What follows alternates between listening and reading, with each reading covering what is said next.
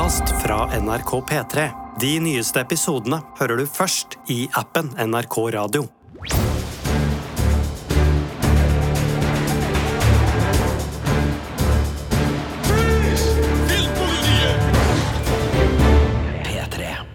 2022 går mot slutten, og dette har vært et serieår fullt med store TV-blockbustere, nydelige dramaserier, herlig mørke komedier og flere kruttsterke spenningsserier på skjermen.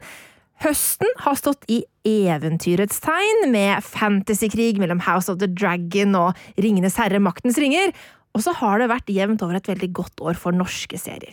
Du hører på Filmpolitiets podkast, og i dagens episode skal vi gå gjennom vår toppliste med de ti seriene vi har kost oss aller mest med i år. Og vi, det er Birger. Sigurd? Og meg, som heter Marte. Og Sigurd, eh, du og jeg har overkjørt Birger litt her. Det er vi som har banka gjennom den topplista her, selv om Birger har fått lov til å ha med noen bidrag. Men syns det har vært vanskelig å plukke ut de, de største favorittene i år? Ja, det har vært et veldig godt eh, serieår, som du er inne på. Og eh, det har både vært blockbustere som har måttet blitt forlatt på klippegulvet, og jeg tror jeg var oppe på 20 serier som, som krangla om, om mine plasseringer på en tid. Så ja, det har vært noen runder med blyant og hukommelse, men vi har jo krangla oss til et bra resultat, syns jeg. Kan jeg si at jeg er veldig overraska over førsteplassen her? Eh, fordi nå er det sånn at dere ser flere serier enn det jeg gjør. Jeg konsentrerer meg mest om film, men jeg har sett en god del av eh, seriene på lista her.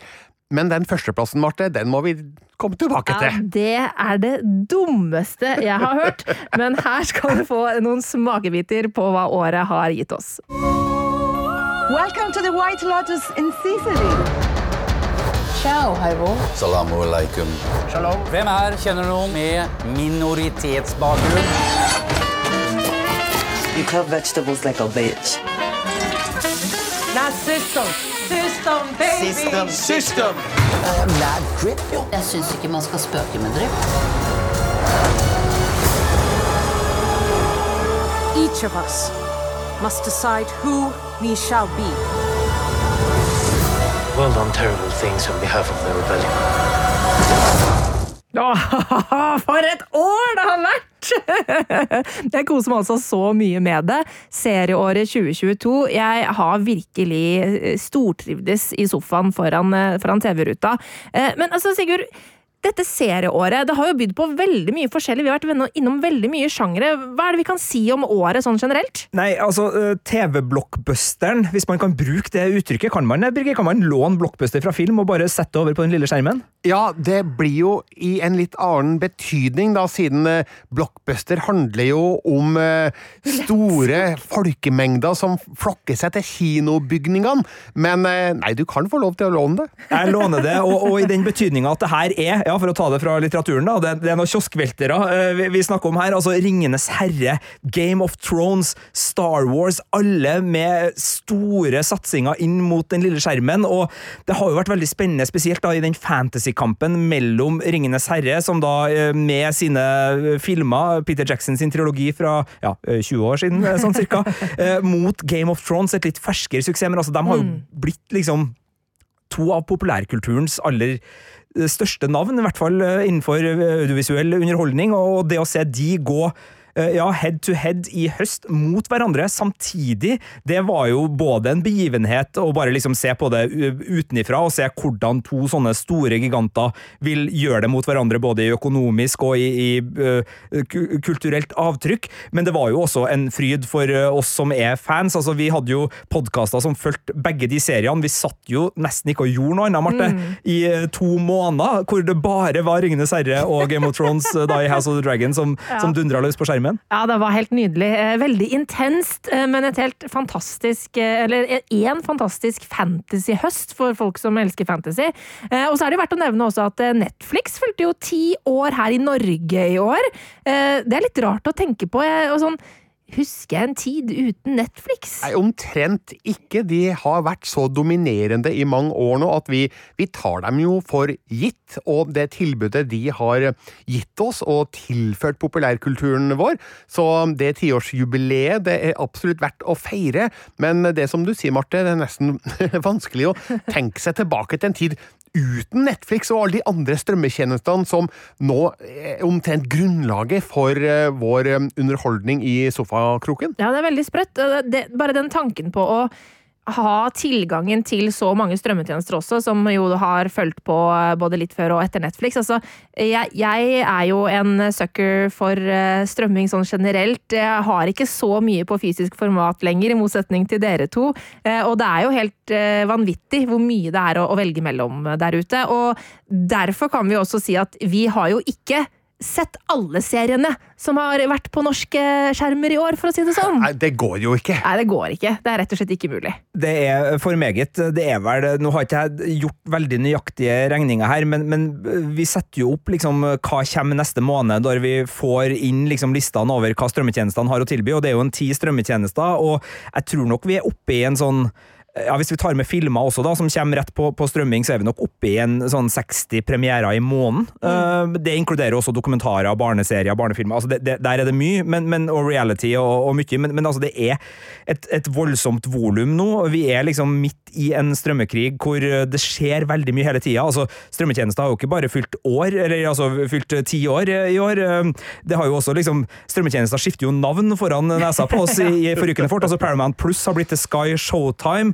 Uh, nå husker, Var det Stars Play som ble til Lionsgate pluss? Altså, det, det, skjer jo noe med denne strømmesfæren støtt og stadig, og enn så lenge så driver de og kjemper mot hverandre med et voldsomt trykk og et voldsomt volum, og, og, det er jo meget gunstig for forbrukeren, kan man si, for de sørger jo for at vi får veldig mye, og, og enn så lenge til en, til en, pris som er Ja, det er ikke, det er ikke billig, det her, men, mm. men det er uh, relativt billig sammenligna med hva det ville ha kosta å kjøpe inn enkelttitlene, men, men det gjør jo det at man sitter med en litt sånn avmakt. Heldigvis så har jo vi lov til å bruke veldig mye av arbeidstida vår på det her, så vi er jo bortskjemt så det synger etter. Men sjøl med det her som jobb, så kjenner jeg av og til på at oversikten nesten glipper litt, for det er mm. så mye, og det er jo støtt og stadig at vi får vite men har, eller altså for spørsmål har dere sett den, har dere sett den, hvor vi bare Nei, hva er det for noe?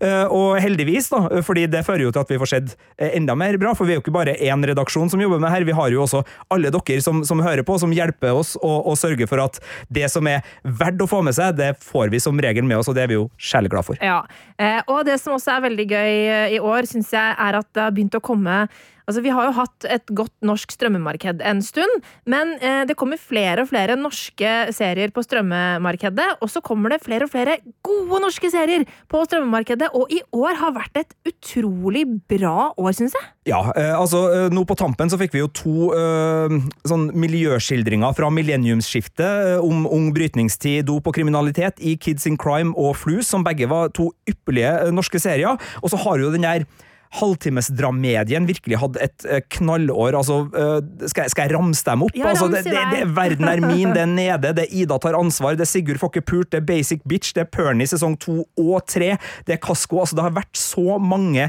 sterke titler her, og, og vi har jo gledd oss til mange av dem. Og det at de innfrir og leverer Eh, på så høyt nivå, for det her er serier som ikke bare er, eh, for å bruke en sånn gammel eh, utslitt, en sånn god til å være norsk, som man ofte snakka om norsk film før i tida, altså at det, at det liksom skulle være noe med det norske som ikke var på linje med det internasjonale, det er vi Det er helt ubrukelig i denne sammenhengen. Det her er bare veldig gode serier, og, og det at det er og nå er det mange vi ikke har nevnt, og beklager til, til dere, men altså det at det er så høy produksjon, mm. og at det også da Uh, bare liksom sørge for at det er et, et, arbeidsmiljø her, altså at det er så mange som blir så gode av både skuespillere og regissører som får arbeid, altså folk i, i produksjonen.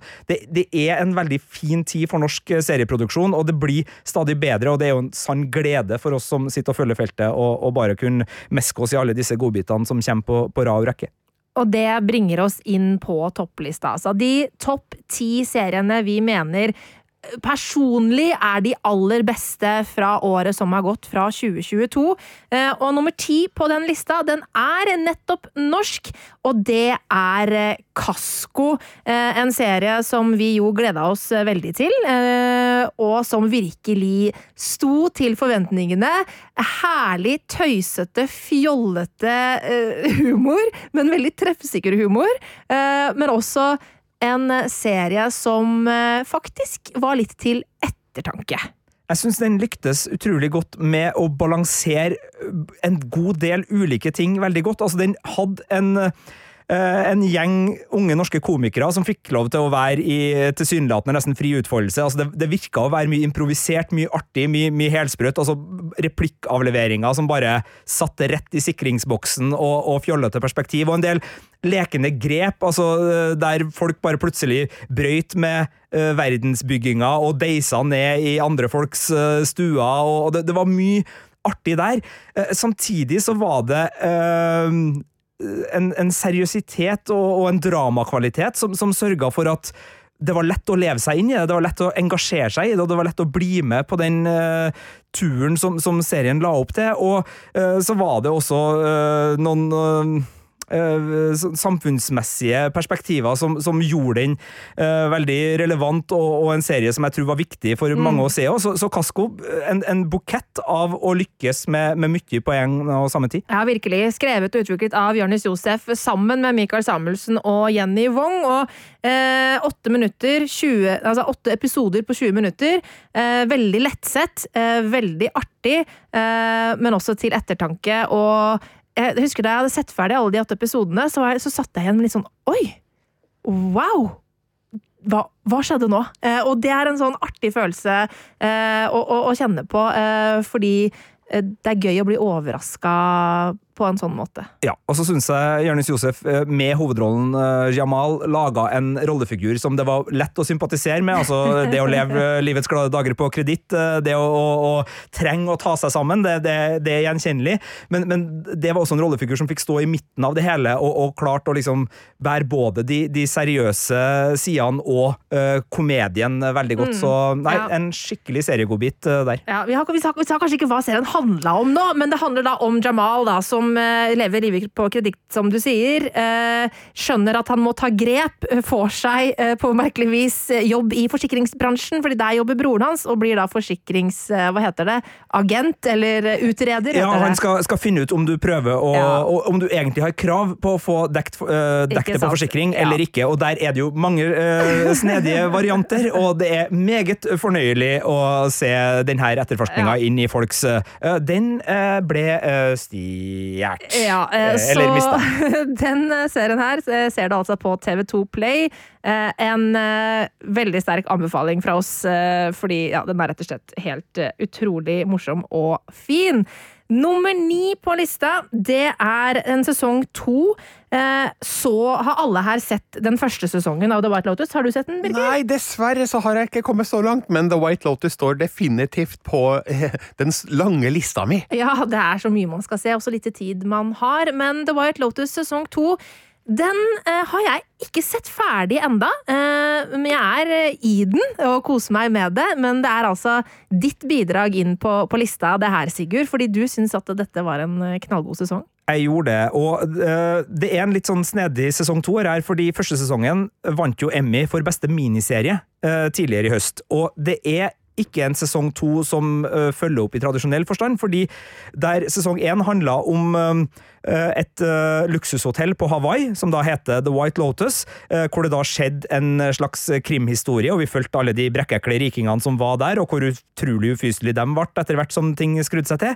Så er vi denne gangen på samme hotellkjede, men på Sicilia, med et ganske så nytt rollegalleri. Det er kun da Jennifer Coolidge sin rollefigur Tanya McCoyd som er med videre fra sesong én over i sesong to. Men igjen, da. Denne Italia-ferien. Det er eh, bare rett og slett en, en, nydelig sak. Det er mordmysteriet som rammer inn det her, ved at vi starter med å få vite at noen har dødd. Det er eh, lik i strandkanten. Så spoles det tilbake ei uke, og vi får se gjestene ankomme, og vi får se alle deres konflikter, som alle nesten potensielt er eh, med døden til utfall for de privilegerte folk, når de ikke får det som de vil. Og du verden! Eh, og det her er jo folk som får lov til å grille i solsteika på sterk satirisk varme. Det er veldig ulike konflikter, men alle har med enten de ansatte eller de lokale eller øh, beboerne på hotellet å gjøre.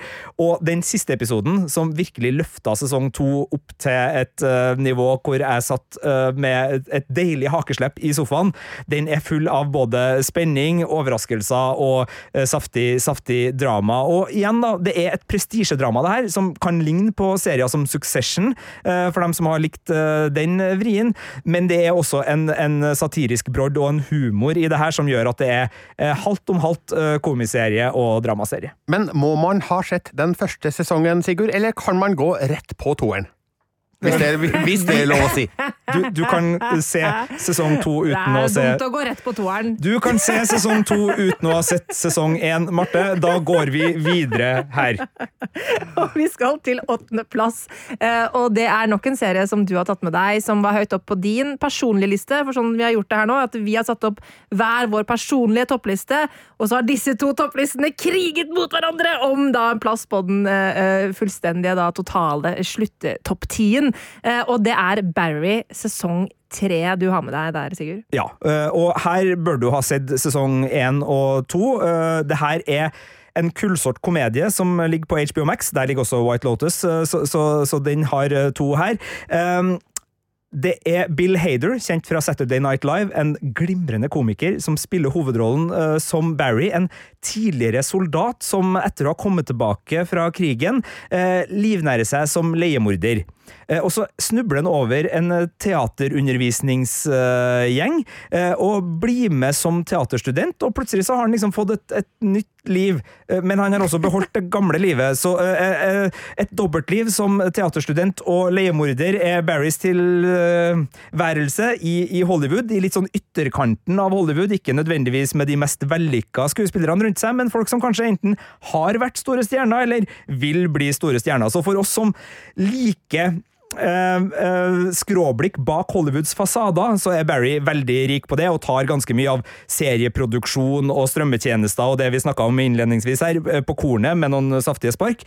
Men så er det jo også da stadige drap, en eskalerende gjengkonflikt, et politi som nærmer seg Barrys hemmeligheter, som da sørger for at trykket øker rundt Barry. Og det er en serie som på sitt filmatisk beste er nydelig, med biljakter og narkorasia, som bare liksom er innovativ, smart og liksom virkelig begeistrer på den lille skjermen, fordi TV er ikke alltid like stort som, som film, og, men det betyr ikke at du ikke kan gjøre veldig kreative ting som, som øh, ville ha gjort seg like godt, om ikke bedre, i da en, en storslått actionfilm. Så jeg tror Birger Vestmo vil nikke anerkjennende til en del scener i Barry bare ut fra et sånt rent sånn dette var tøft. Uh, og, og, av og til så sier du ja, du, du, du, gjør det.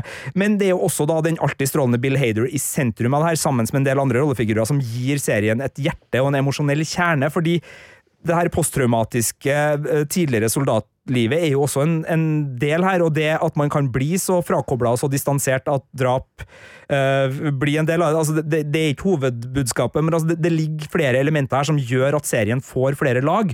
Uh, og, og, ikke minst da Bill Haders fantastiske mimikk og, og imponerende register får jo spilles ut her. Uh, dere som har sett mye Saturday Night Live, har sett den i ganske mange forskjellige og minneverdige roller, og, og her gjør han en av sine beste. Så Barry sesong tre er en skikkelig godbit for dem som liker mørke, mørke komedier. Og det var sjetteplassen. Vi skal Nei, nei det, det, var, det ikke. Åttende! Jeg klarer ikke å telle i riktig rekkefølge her. Eh, åttendeplassen. Nå skal vi til syvendeplassen, og der er det en serie som vi har snakka mye om.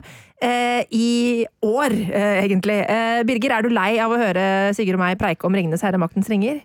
Nei, ikke enda, men det har jo vært en høst der deres fokus har vært veldig målbevisst retta mot eh, fantasy, da, både med House of the Dragon og selvfølgelig da Maktens ringer. Men eh, si gjerne litt mer, for jeg har enda ikke rukket å sett serien. Nei, og dette her er jo en serie som eh, ja, Den har splittet publikum lite grann, eh, og den har splittet fansen. Jeg føler at det er det er elsk eller hat. Eh, og så er det noen litt innimellom der, da. Eh, og vi har jo fulgt denne serien her tett, og podkasta om den hver eneste uke i Filmpolitiets Ringenes herre spesial. Eh, og vi ligger nok et sted midt imellom. Vi har storkosa oss personlig med dette her. Eh, men det er jo ikke den beste fantasy-serien som noensinne er laget, liksom. Men noe av det som i hvert fall min eh, eh personlig på en måte eh, redsel eh, før jeg så serien, var jo at den ikke skulle klare å skape den følelsen av at vi var i Middle Earth, og skape den følelsen av at dette her er J.R.R. Tolkien. Og det klarte den å innfri på! Eh, jeg følte virkelig at vi var på Middle Earth, og jeg følte at dette her var en historie som som hang sammen med resten av Tolkiens univers på en eh, troverdig måte. Selv om det er litt grann ting som skurrer innimellom, så var på en måte den overhengende følelsen var at ja, dette her, det er i Ringenes herre-land. Ja, og, og, som vi fikk eh, innspill fra, fra våre gode podkastlyttere på, det er også en serie som klarer å gjøre filmtrilogien til Peter Jackson bedre. Mm -hmm. eh, som vi, eh, nå, jeg, jeg, er klar over at det er noen bøker her, altså, men, men fordi vi nå fikk se steder for det her foregår før uh, filmtrilogien. Beklager uh, spoiling her. Men, men, vi fikk se steder som i filmtrilogien det snakkes om, mm. og som vi kanskje er på besøk hos, men vi får se dem i sin prakt, altså i sin storhetstid.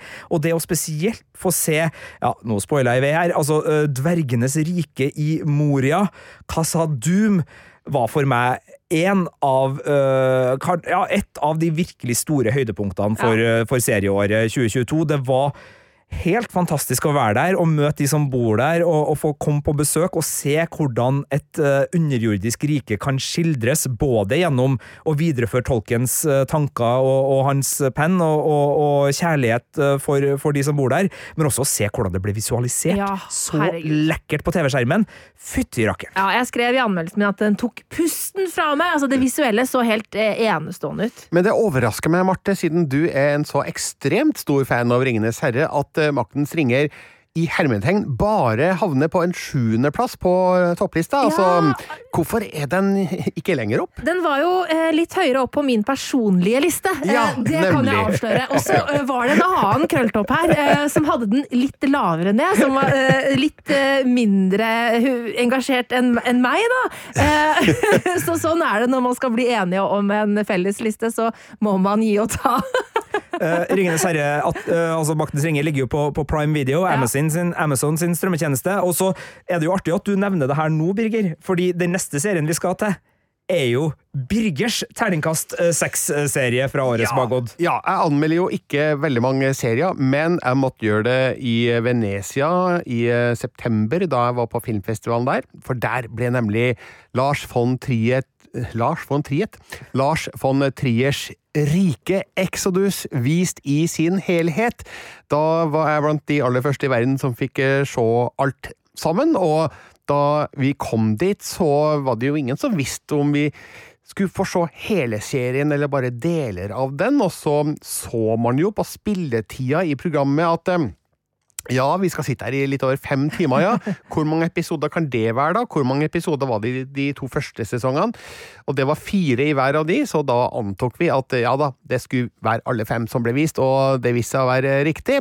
Klippa sammen eh, til eh, to spillefilmlengder med en pause mellom, og um, for meg så var det helt fantastisk å sitte her og bare leve seg inn i Lars von Triers eh, rike, bokstavelig talt, eh, i den settinga. og um, i en mørk kinosal med andre entusiastiske, engasjerte publikummere. Det her er jo en tredje sesong som kommer eh, lenge etterpå. Eh, for de som ikke aner hva Rike er for noe, eh, hva for en serie er det her? Ja, de to første sesongene kom i henholdsvis 1994 og 1997, og finnes det på Rikshospitalet i København, som da har kallenavnet Riket.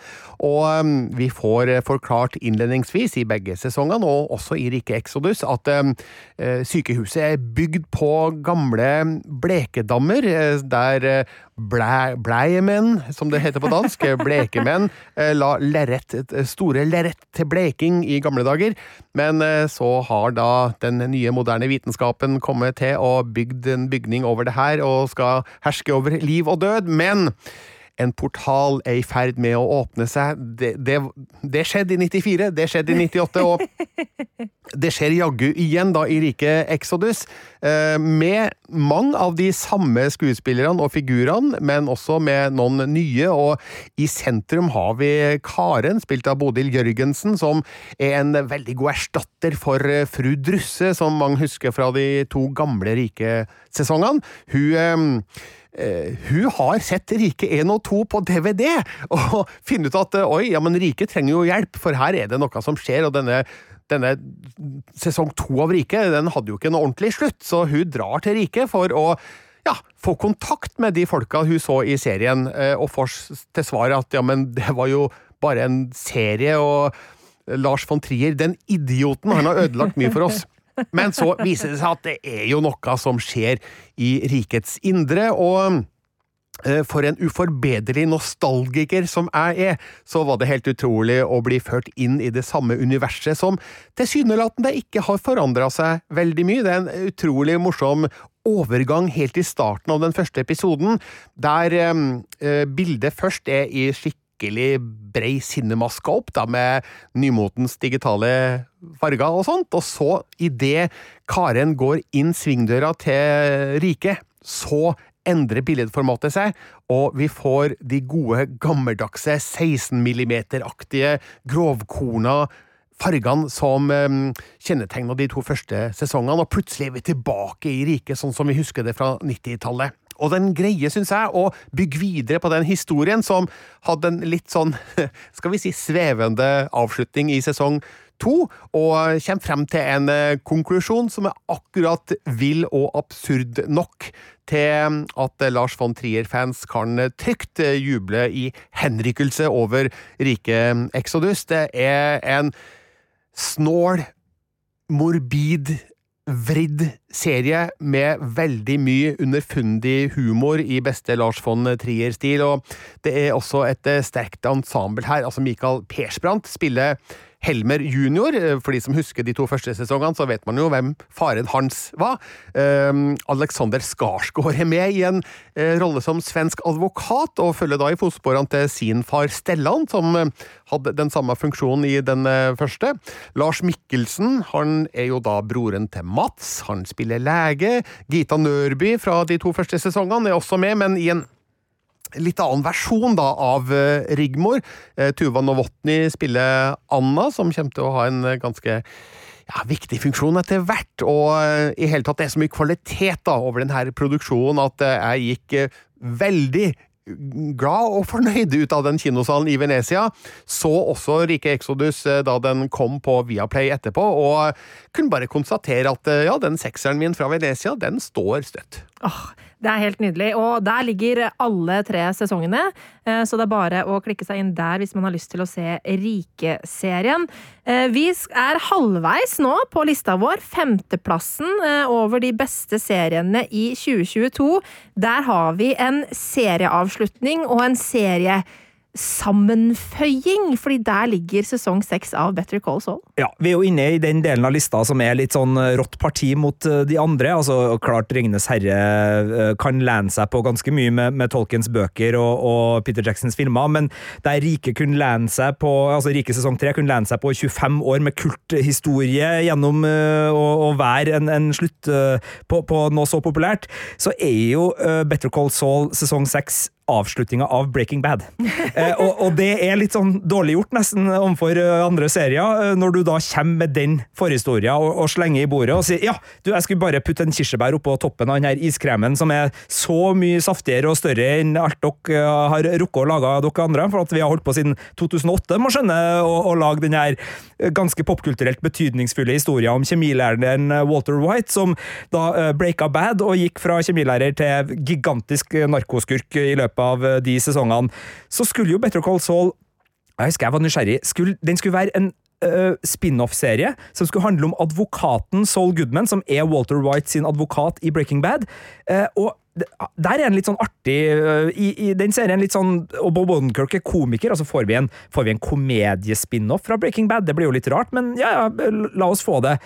Nei, vi fikk en seig, kanskje en av de aller seigeste krimseriene på TV. Uh, Better Call Saul starta flere år før Breaking Bad i, i handling, og tok for seg da Uh, James McGill, altså Jimmy McGill, uh, som, som gryende advokatpraksis i, i sånn konkurranse med broren, som har alltid følt seg underlegen. Broren var en veldig dyktig og anerkjent advokat, og, og det, var liksom, det, det var en ganske annen serie. Og så, i løpet av de sesongene som har gått, så har Better Call Saul nærma seg Breaking Bad. Vi begynte å se igjen rollefigurer vi kjente fra Breaking Bad, altså Gus Frings, mannen som hadde uh, kyllingutsalget hvor veldig mye foregikk i, Breaking Bad. Han dukka opp, og Mike dukka opp, og flere andre. Og så, de siste sesongene, så har serien vist seg å ikke bare ta igjen, men inkapsulere Breaking Bad, og dermed legge til mer historie bak mange av de rollefigurene vi kjente og ble så begeistra for i Breaking Bad, gi dybde til en del situasjoner som ikke Breaking Bad hadde, og i tillegg da gå forbi Breaking Bad og vise oss historia videre. Så det som har skjedd nå, er at Better Call Saul har klart å både fullende og gjøre mesterverket Breaking Bad enda bedre. Uh, litt sånn uh, urettferdig nesten å gi dem to forskjellige titler som to forskjellige serier, fordi de er så tett sammenbundet at uh, der Cheers og Frasier var to serier med spin-off-sammenheng som var veldig ulike hverandre, så er det såpass likt her at det, det er nesten Ja, hva blir det? Breaking Bad sesong 11? men, men det, det, er nydelig, og, og Skuespillerprestasjonene er helt fantastiske. Både Ria Seahorn, Jonathan Banks, eh, Giancarlo Esposito, som nå spiller skurk i alt som kryper og går av gode ja, Vi gleder oss til Mandalorian sesong eh, tre. Han er også i The Boys. Fantastisk. Og så er det jo uh, Bob Odenkirk, da, som, som, har bare skapt en, en, en rollefigur som det Ja, it's all good man. Altså, den er så god. Det er nok hans mesterverk, det her. Det har han sjøl uh, uttalt. Om ikke direkte sitat, så, så, har han sagt at det her er vel hans store rollefigur, og, og det er en stor rollefigur i, i TV-serielandskapet mm. anno 2022, som nå takker av, i hvert fall foreløpig. Vi har jo fått én Breaking Bad-film eh, allerede, så, så, om Wins Gilligan og Peter Gold, som da er serieskaperne her, slipper det helt, det gjenstår jo å se, men enn så lenge så har i hvert fall Breaking Bad endelig fått sin finale uh, i Better Call Saul uh, sesong seks. Gurland, jeg har jo sett Ligg på Netflix. og likt ja. Breaking Bad. det vet jeg du også har, Birger. Absolutt. Men Better Call Saul har jeg, til tross for at du har anbefalt denne serien så mange ganger, Sigurd, ikke sett. Eh, jeg, jeg begynte kan... på sesong én, liksom, så falt jeg av med en gang. Ja, og, og, man skal ikke se alt. Altså, mye av det vi har snakka om her, handler om smakspreferanser. Man skal ikke se alt eller føle seg forplikta til det. Men vår kjære kollega Jonas Jeremiassen Tomter, eh, også kjent som Dr. Jones fra, fra P3 Morgen og Lørdagsrådet, han har skrevet en artikkel som du finner eh, lenka opp i listesaken, eh, som ligger på p3.no filmpolitiet, hvor du ser da ti, de ti beste seriene fra i år. Den heter Bør du ringe Soul og er et kjærlighetsbrev til den treigeste serien på TV, som, som Jonas Jonas eh, så fint skriver, og det er en veldig fin uh, avskjed fra en fan, så jeg anbefaler etter at du har sett uh, serien, uh, og, og les det, for det er, det er litt uh, spoilete der. Men, men er, har du mage til det, så er det bare å gå inn og, og, se. Men, men, det var en serieavslutning som i hvert fall står i historieboka for 2022.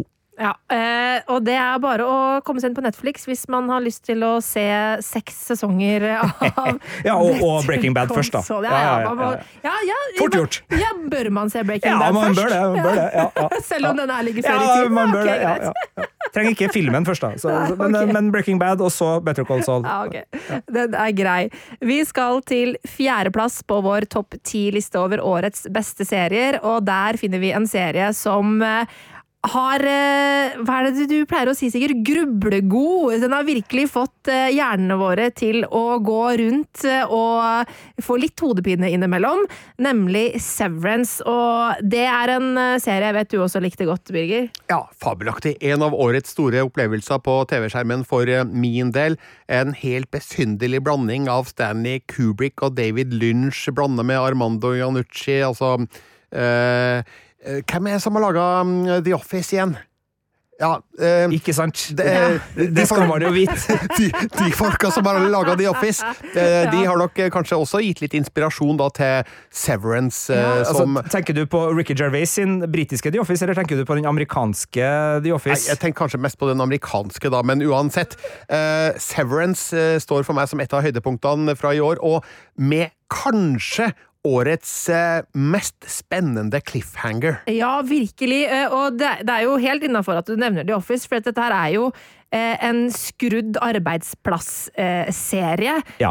Greg Daniel som har laga den amerikanske versjonen. Ja. Kudos til Greg Daniel. Og eh, den er jo komisk, denne, denne serien her.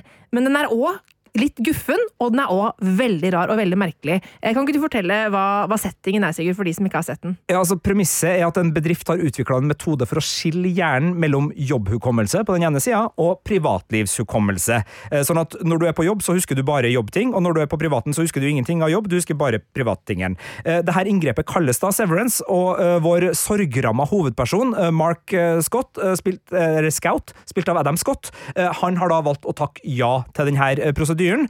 Eh, og så er det da en kollega som tar kontakt eh, på utsida av jobben eh, og, og forteller at alt er ikke helt bra her, og da begynner Mark å, å nøste i både hva selskapet egentlig holder på med, og, og hva det her ekstremt fremmedgjørende inngrepet faktisk fører med seg. da.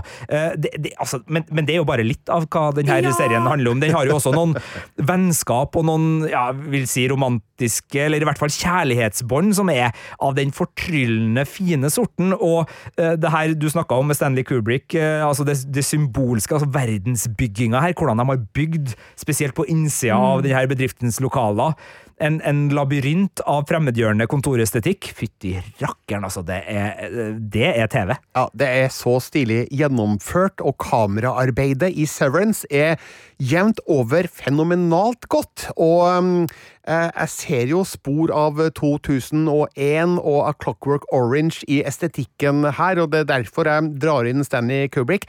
Uh, og så um, blir jeg jo veldig nysgjerrig på hva er det som ligger bak alt det her.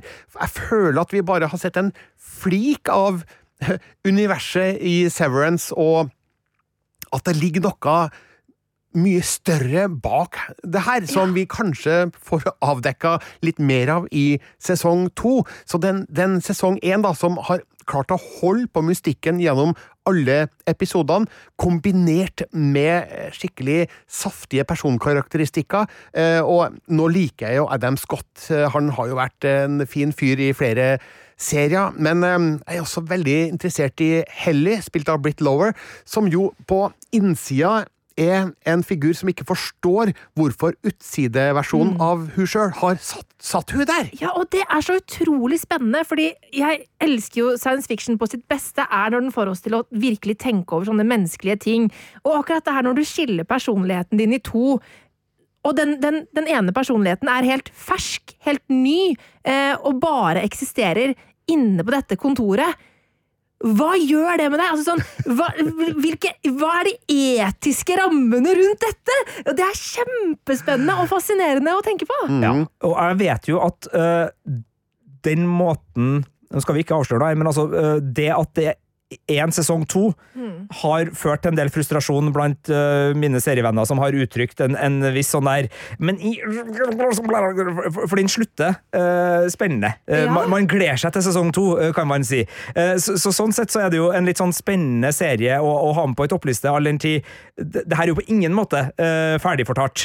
nei, men det er ikke bare miniserier man har nei, med nei, på. Nei, nei, nei. Men, men, men, det vil jo være veldig avhengig av hvordan det går videre, om man ender opp med å, nei, men Første ja. sesongen er er fortsatt knallbra. Den er Denne det, den første er sesongen er knallbra, uavhengig av hvordan det går i sesong to. Dette her, ja. den, og, og den finaleepisoden er eh, et mesterverk i eh, hjerte i halsen-driv. Eh, ja, den er virkelig en av eh, godbitene der. Og det her er jo en serie som ligger på Apple TV Pluss, som jeg vet det er en strømmetjeneste som ikke å, det, det er kanskje færre folk som har den, da, sammenligna med Netflix f.eks. Eh, men hvis du skal være sånn sleip og på en måte ta det der Jeg tar et abonnement én måned, og så sier jeg opp. som er jo ganske smart eh, ting å gjøre, da. eh, så gjør det for å se Severance, for den er altså så knallgod. Uh, og den var på fjerdeplass over våre favorittserier fra i år, og det bringer oss opp på pallen. Og pallen den består jo da av 3-2-1, og på tredjeplass så skal vi reise langt, langt borte, nærmere bestemt til en gal galakse langt, langt borte for lenge, lenge, lenge, ja. lenge eh, siden. Ja, altså eh, det at eh, Star Wars skulle gi årets beste blockbuster-serie, det var kanskje ikke så overraskende, men da hadde man kanskje sett mot Obi-Wan-serien, som også kom i år, og som fortalte oss uh, uh, mellomhistoria til en av de mest folkekjære rollefigurene fra Star Wars-universet. Men det var ikke den. Det er Andor. Uh, Etterretningsserien, som er forhistoria til filmen Rogue One A Star Wars Story fra 2016, igjen da med Diego Luna i hovedrollen, som ble jeg vil si årets beste ja, nå bruker jeg det igjen, Birger, blockbuster-serie. Ja, jeg får lyst til å reise meg fra stolen i studio her nå og gi dere en slow clap, som har putta Andor så høyt oppe på lista. For det her var virkelig en forfriskende Star Wars-serie et skikkelig seriøst spenningsdrama satt i et univers som vi jo har sett blitt brukt i filmer og serier tidligere, men ikke helt på denne måten, for det, det her var litt sånn Star Wars for voksne, føler jeg. Ja, virkelig. Den er mye mer eh, altså hvis, man, hvis, man, kan bruke ordet realistisk om en, om en sånn fantasy-serie som jo eh, Star Wars er, da. Eh, for det handler noe om hvor neppå den er eh, innimellom, eh, og hvordan vi får se på en måte hvordan dette opp opprøret påvirker lokalbefolkning, hvordan undertrykkelse eh, fra, overmakta påvirker mennesker på et helt annet plan enn vi kanskje er vant med i Star Wars. I Star Wars er det ofte litt de mer større fortellingene som, som fortelles, mens her er det rom for de litt mindre fortellingene også. Eh, og så liker jeg jo veldig godt at den tillater seg selv å være etterretning. Eh, det er Jeg husker det, Uten å spoile noe fra serien, da, så er det et slags heist som skal gjøres i, i, en episode. Og episoden før er bare planlegging. Ja. og det er så kult! Ja, altså, ramma her er jo science fiction. Det er fantasy, det er eventyr. Men figurene de er ekte. Altså, deres mål og meninger og dynamikk i forhold til hverandre, det er ekte og det er det som gjør Andor så fascinerende, og noe nytt da i Star Wars-sammenheng. Og det viser jo da at det universet som George Lucas har koka sammen, det er faktisk brukbart til alle mulige slags fortellinger. Altså, jeg er jo aller mest glad i den tøysete Star Warsen, da. Den litt morsomme gung-ho-action-delen med Harrison Ford og Mark Hamill og, og Carrie Fisher, selvfølgelig. Jeg elsker at du har på deg Chewbacca-genseren din når du sier det der, Birger. Ja, du har Jeg har faktisk på meg det, det er riktig. Eh, men det at det også går an å fortelle den her grå, triste og fascinerende historien i samme universet, mm. det er helt topp. Eh, jeg vil bare holde på et tema gjennom podkasten her. For uh, i likhet med Ringenes herre-serien, så er jo også det her Fordi det her er jo foranledninga uh, til den motstandskampen som uh, Luke Skywalker på mange måter sluttfører i den originale filmtrilogien. Og det at vi nå vet det her, gjør jo også de filmene bedre. Det å se igjen Star Wars-trilogien etter å ha sett Andor, og vi har jo igjen en sesong til med Andor, minst, så her er jo ikke historia fortalt, men altså, det å se den det totalitære regimet som imperiet mm. er, det, de offer uh, Altså, de uh, Ja, de ofrene som gjøres av menneskene her, de menneskelige kostnadene uh, Altså, det, det, det, løfter det og gir det et hjerte og en, et alvor og en, en tyngde som, som, ikke var der før. Og ja. jeg tror at liksom den her uh, spennvidden i Star Wars. Altså, som sagt, Det har vært litt av et Star Wars-år. Det starta med The Book of Bobafett, en etterlengta serie. Så Obi-Wan, uh, og så Andor. Det var bare live action. I tillegg så har vi fått The Tales from the Jedi. Det, det er mange serier på vei. men og, og, Mandalorian kommer jo tilbake, men altså det å ha det spennet da, som Andor nå har uh, gitt en ekstra dimensjon, det at Star Wars også kan være så alvorlig, og det at det er rom til den type tankegods som er generelt, og, og, og fange opp liksom alle disse trådene. Eh, altså, For første gang så var vi på do, og det ble spist frokostblanding i Star Wars. Altså, det, vi har ikke sett det før, har vi det? Det var, var, var herlig. altså Det har vært mye jazz i kantina, det, det, er ikke det, men, men ja, nei, det, det, var virkelig en, en, en, serie som både utvida og berika Star Wars-universet der. Ja, jeg er helt enig, og, og som du sier, altså, det er en forløper. Vi vet uh, hva som skal skje uh, down the line, men det ødelegger ikke for den historien som fortelles, og det syns jeg er ganske imponerende å få til. Og etter etter rulleteksten. Da skal man følge med, skal ikke man det, Birger? Ja, eh, etter rulleteksten i den aller siste episoden av sesong én, da skal man følge med for en liten godbit. Og det er jo mange tegn på at vi har mye mer i vente. Vi veit ennå ikke hvor mange sesonger de har planlagt av Andor, men den første sesongen den starter jo da fem år før hendelsene i Rogue One av Star Wars Story, som er eh, ganske skal vi si, konkluderende på et vis. Men eh, det er altså flere år med potensiell handling mellom der, så mm. kanskje får vi fire fem sesonger av Andor, og det hadde ikke vært meg imot. Jeg er helt enig. Og Andor ligger altså på Disney pluss.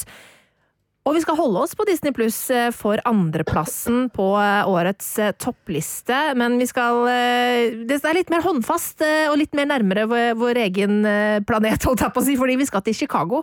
I et ganske sånn hett, svett kjøkken, Sigurd? Ja, eh, og, og, her kan man jo også avsløre, da, der du liksom var litt sånn Og jeg hadde egentlig Ringenes herre høyere opp, men uh, dumme Sigurd, uh, han hadde den uh, så, så, er det jo ikke noe tvil om hvem som har kuppa førsteplassen. Men min førsteplass, den som da blir henvist til andreplassen av juryleder Marte Hennestad, det er The Bear, som er det beste på TV i år, sånn som jeg ser det. veldig vanskelig å, å bestemme det der, men, men, det var den som endte opp på toppen. Og det er jo på en måte en kokkeserie. På en måte et familiedrama, på en måte uh, en, en, sånn herlig uh, dramaserie som er fokusert på en hovedperson som er så full av kontraster. Altså, jeg vil nesten si at uh, Jeremy Allen White, som da spiller Carmen Berazzo, en ung mesterkopp som etter brorens selvmord må vende hjem fra New Yorks restaurantverden til uh, Chicago, hvor uh, familierestauranten sliter. Han er nesten som en Tony Soprano, nesten som en Walter White, nesten som en Don Draper i måten han er bygd opp med så mange eh, kontrastakser, hvor vi liksom Altså, han elsker junkfood, men han er mesterkokk. Mm. Han er full av skyldfølelse, men han eh, er også veldig opptatt av å få igjennom viljen sin. Altså, han, han har bare så jeg skal ikke, For da begynner jeg å avsløre noe, jeg skal, skal, ikke si flere her, men altså, han er en så interessant og sammensatt rollefigur. Så, så der òg er The Bear en fantastisk serie. Den har et soundtrack som starter med det svenske hardcore-bandet Refused, og som bare dundrer løs med så mye alternativrock, så mye god folkmusikk, gjerne Chicago-relatert relatert. Altså Wilco og Suffian Stevens får lov til å bidra her på nydelig vis. Uh, Pixies-bassist Kin Deal er sentral. Altså, det, det, er så mye bra musikk her! Det er så mye bra musikk her! Og så er det også Vi hørte jo et lite lydklipp helt i starten av podkasten. Der var det frijazz. Mm. Uh, og, og det her er frijazz! Det er så deilig sammensatt, komponert som om det var et måltid, som om det var musikk, filma på trange, trange kjøkken med en dansende teft for hvor du skal bevege deg, både som skuespiller og uh, som kameraoperatør, og det er bare helt frenetisk hvor det koker over til tider, og det er en intensitet der som gjør at det er kanskje ikke bare bare å sette seg ned og se en. Nei, uh, og det er det jeg skulle til å si, fordi at det, den formen på serien eh, forsterker alle følelsene i serien. Altså både på lydsporet, musikken, eh, måten det er filma på, tempoet det er klippa på. Alt dirrer, som du sier. Eh, og det gjør at det er knallbra, men det er òg ganske utmattende. Det er ganske Eh, det er en serie som krever en god del av deg å se, i hvert fall for min del. så synes Jeg jeg, jeg klarte klar, ikke å se mange episoder av gangen, jeg måtte liksom se én og én, eh, fordi den derre intense, intense stresset og tidvis angsten som dukker opp i, i serien her, den smitter så direkte over på meg. Jeg, jeg, sitter og kjenner så fysisk på det, fordi det er så godt laga, da. Og det er jo utrolig godt gjort, eh, men det er også litt slitsomt. ja, og, og, jeg tror eh, sånn av de seriene vi har på toppen her, så er det jo ulike eh, dørstokker inn til seriene. Altså Better Call Saul veldig krevende bare i omfanget ja, du er nødt til å gå inn på, men, men også sånn den, den, er seig. Eh, og, og uh, Andor, ok, liker jeg Star Wars, eller liker jeg ikke Star Wars? Ja, men ja, ja. ja, jo, jo, men altså, det, det, det, er alltid en sånn, og, mm. og, og, jeg skal ikke si at alle sammen skal se The Bear. Fordi hvis du, hvis du merker ganske tidlig, og det merker du ganske tidlig, at det her er ikke min tekopp, det her er uh, for stressende, for frenetisk, og, og det bryter meg, så, så, så, så, det er helt greit. Men for dem som blir uh, truffet av den her, så er den mm. Så fantastisk. Og jeg uh, må jo bare si noe om, uh, om matbiten i det òg. Altså, jeg er ikke noe, noe sånn matnerd, men altså, har du et øye for raffinert kokkekunst, og syns det er spennende å være i de miljøene og se, så, så er det jo tilbakeblikk til New York her, så man får både på godt og vondt kjent hvor intenst det er på, på kjøkkenet på, på den type restauranter òg. Og det er jo fra det lune og det trivelige til det høyoktan, uh, perfeksjonerte matlaging som inspirerer. Jeg får så lyst på sandwich av å, mm. å se den serien her, og det, det, er en serie som også liksom har rom hvor det er trivelig å være i, uh, ut fra liksom interesser og, og ting du syns er spennende å, å, oppleve. Så det er ikke bare liksom handlingsdrivet og rollefigurenes utvikling som er interessant her, det er det er trivsel i å være i miljøskildringene, hvis du tåler at det er veldig kaotisk og veldig hektisk å være i de miljøskildringene. Altså, Jeg har også sett The Bear og likt den også veldig godt, og det jeg ble imponert over først og fremst, er jo den vanvittige energien som er i hver eneste episode. Altså, den klippejobben som er gjort i The mm. Bear, den er helt fenomenal. Man kan kanskje til og med tenke at de har eh, klippa på litt for mye kaffe, kanskje. Eh, Men det, det gir jo en eh, helt avgjørende effekt, da. Og eh, du verden så fort det går å se en episode av The Bear. Litt ulike i lengde, men, men til og med de lengste de går unna på et blunk. Ja, og i kontrast til det der, da, så er jo det som kanskje er årets beste TV-episode, episode sju av The Bear, som er eh, meget eh, sammenhengende skutt, med to låtvalg eh, inni der. Det er en 20 minutter. Det er én ting som skjer, men samtidig så skjer alt. Og du verden, hatten av, altså, for Ja, et, det, det er eh, årets beste TV-episode for meg. Eh, altså- episode sju av The Bear. Ja, altså, den må ha krevd så mye planlegging og strukturering og blokking, som det heter når de skal bestemme utsnitt og kameravinkel og, og sånn. Det er nok maskert noen klipp inni her. Ja, det er det det, er det nok. nok. Eh, For jeg nekter å tro at de har greid å filme alt det her i én en eneste tagning. Og i så Men- fall så klapper vi fra Filmpolitiets Ja, kontor. nei, men- Uansett klapping. Da. Eh, Det, det var flere steder der jeg skjønte at ok, her er det en eh, litt kjapp kameraswipe som er veldig godt egnet til å skjule et eh, klipp. Men eh, det er en fabelaktig episode, det er helt riktig, Sigurd. Ja, og, og dette her er da altså å finne på Disney pluss. Jeg også digger denne serien her, anbefaler den, men eh, bare vær forsiktig med deg selv. Ikke binge den! Ikke binge den. Eh, da tror jeg du blir veldig sliten. Eh, men den er absolutt en knallgod serie, som er den andre beste serien eh, på Filmpolitiets topp ti-liste eh, i år. Fordi nummer én, som er den beste serien i år, uavhengig av hva dere har å, å si, eh, Birger og Sigurd, eh, det er nemlig Pachinko. Det er riktig. Og eh, ja, jeg prøvde å provosere deg i starten av podkasten her, Marte, ved å stille et spørsmål om eh, hva gjør denne serien på førsteplassen? Eh, jeg har ikke sett den sjøl, men jeg har eh, sett at eh, den figurerer ikke på noen andres eh, topp ti eh. Og det tror jeg ikke har noe med kvaliteten på serien å gjøre. Jeg tror det har noe med at den har gått litt forbi i stillhet for mange. At det er mange som rett og slett ikke har sett den.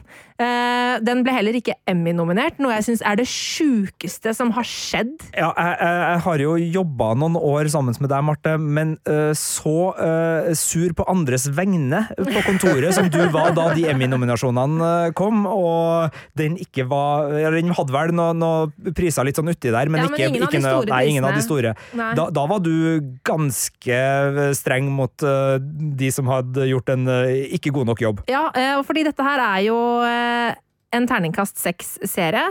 Eh, Den kom i mars eh, i år, altså 2022. Mars 2022. Eh, Og jeg tenker på den enda.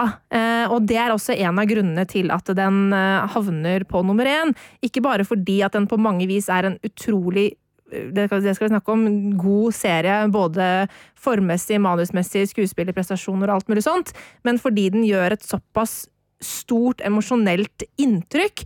Um, og dette er da en, et historisk drama uh, som tar oss med til uh, Japans annektering av Korea i 1910.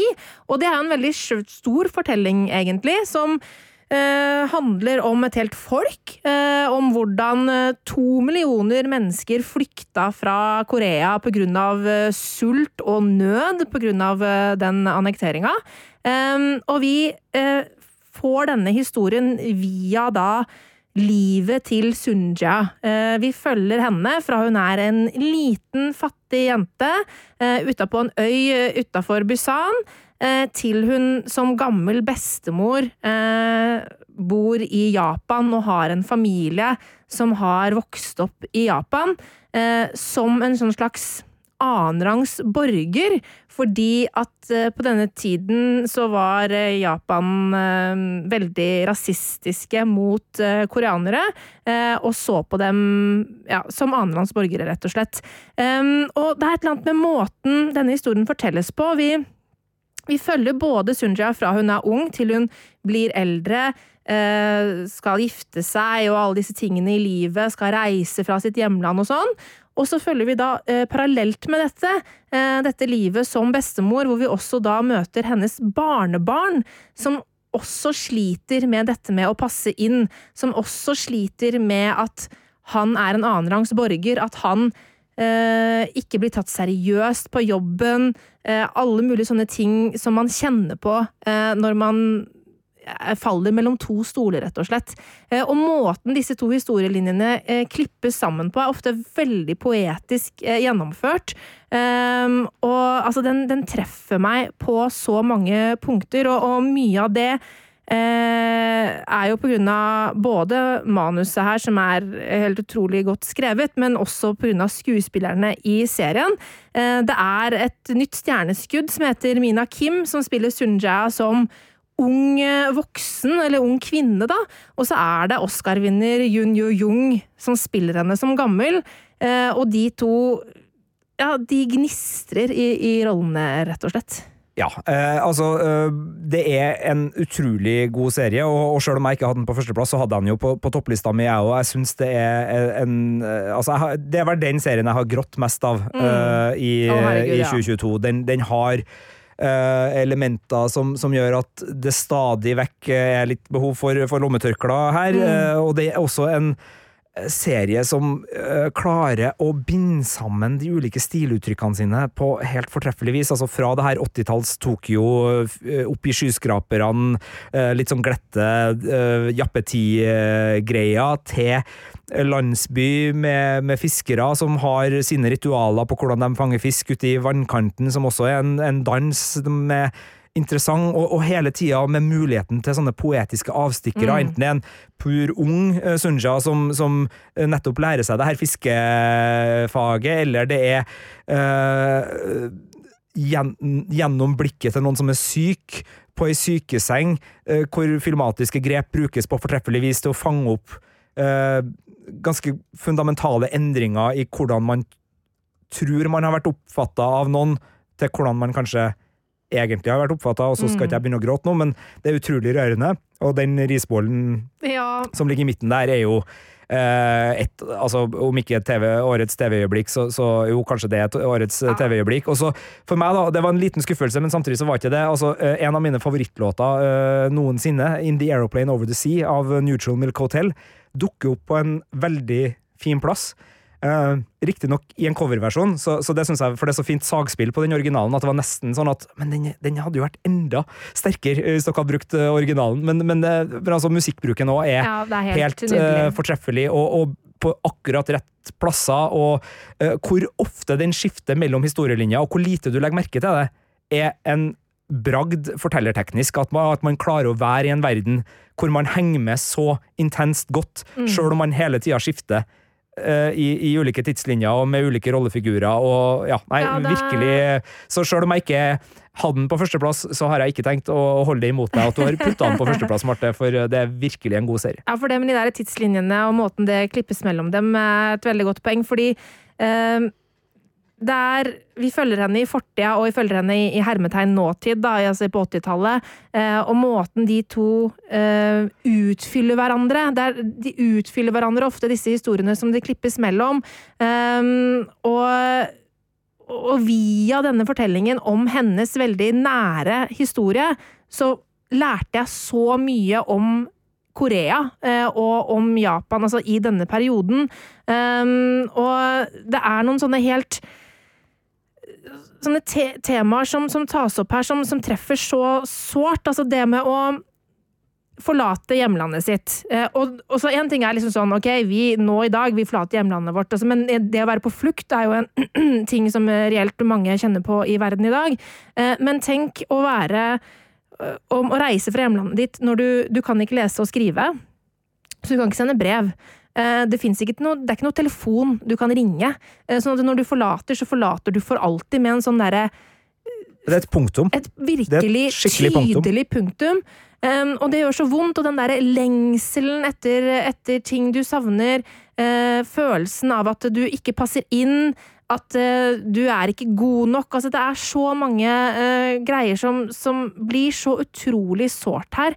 Uh, som, som, treffer sånn skikkelig, skikkelig dypt inn i, i sjela. Ja, og i likhet, da. litt snedig sammenligning, men i likhet med The Crown, som også er en, en serie som, som forteller ei ganske stor historie, så er det sånn at denne serien tar seg tida til en enkeltepisode uti der. Som er helt via én historisk hendelse. Litt sånn som The Crown gjør med ei gruveulykke i Wales, eller med The Fog of London. Eh, altså ut av hovedhistoria, inn med en uh, viktig brikke av puslespillet, som i sin helhet forteller ei helt annen historie. Og den episoden Wow.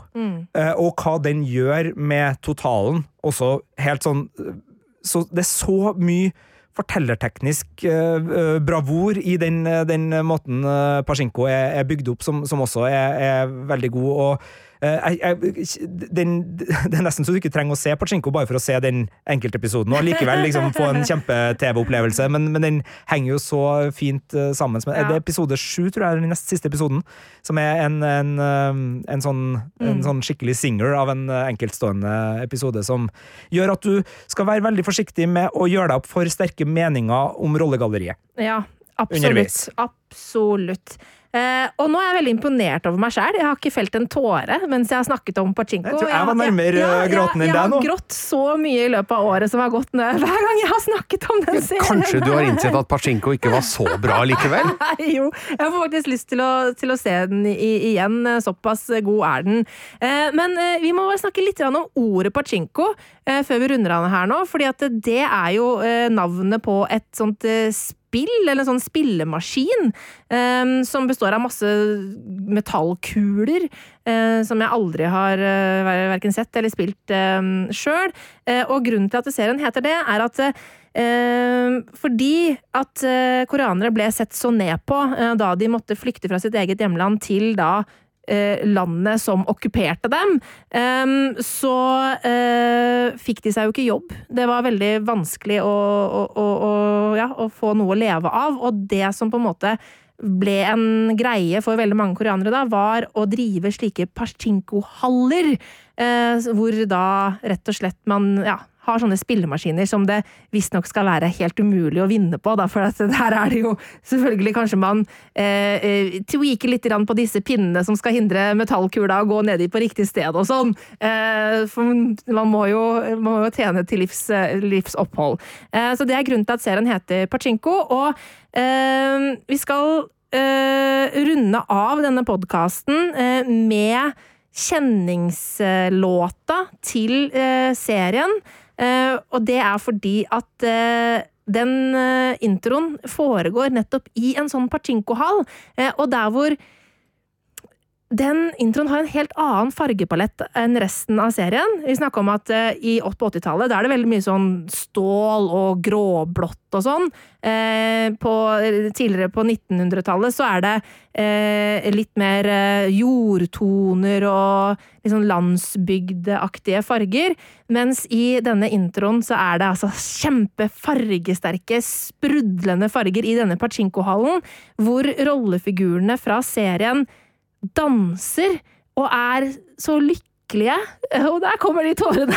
Fordi um, det er et veldig uh, vondt vemod som ligger over denne serien her. En lengsel og et vemod. Uh, og i denne introen så får um, rollefigurene, altså Sunjaya som liten jente, Sunjaya som ung og Sunjaya som gammel, får lov til å på en måte eksistere på samme sted og danse lykkelig uh, til en veldig sånn herlig låt. Det er en fantastisk låt. Ja, og da eh, og da får jeg et sånt håp ja. for eh, fremtida! I, I, sterk konkurranse med uh, Peacemaker og uh, nevnte Severance, så er det her også årets beste åpningsvignett på en serie. Det har vært et sterkt uh, vignettår, men Pachinko stikker også av med uh, topplasseringa på den lista. 2022-lista finner du selvfølgelig på p3.no filmpolitiet hvis du har lyst til å lese den og, og se mer. Men ja, åpningsvignetten, Marte? Ja, det er da The Grassroots sin Let's Live for Today som vi skal gå ut på i dag. Jeg håper du koser deg med låta, og at du kanskje etter hvert synger litt med og danser rundt deg sjøl, fordi det her er helt nydelig. Seem to complicate their minds by chasing after money and dreams that can't come true. I'm glad that we are different, we've better things to do. May others plan their future, I'm busy loving you. One, two, three, four. Sha la la la la la, live for today.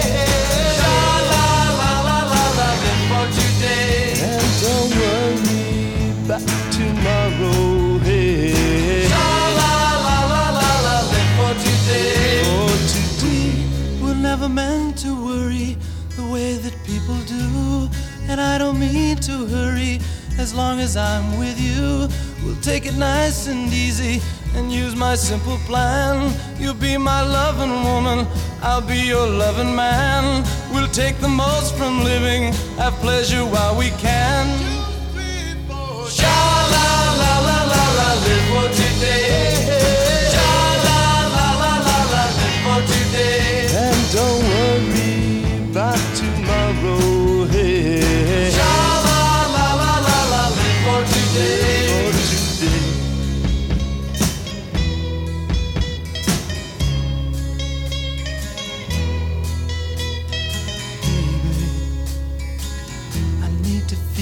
Inside of me. I got to feel you deep inside of me. Baby, please come close to me. I got to have you now, please. Please, please, please. Give me some love. To give me some love. To give me some love. To give me some love. Baby, give me some love. To give me some love.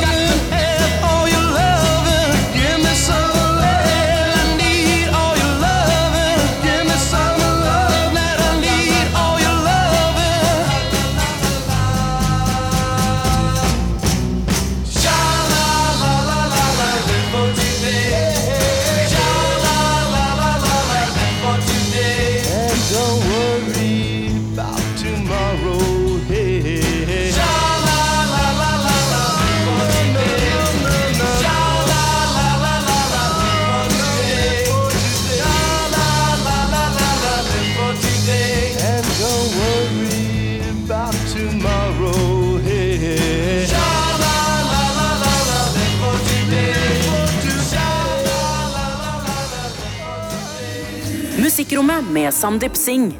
God musikk rører noe i oss alle.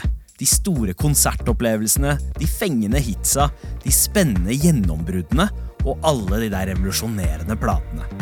Men opplevelsen blir enda sterkere når vi vet hvordan den blir til, og hvorfor musikerne lager den akkurat som de gjør. Vi gir deg det du trenger å vite om musikken du elsker, og den du ikke visste at du digger. Sjekk ut episoder om både de legendariske artistene og de helt ferske nykommerne i Musikkrommet i appen NRK Radio.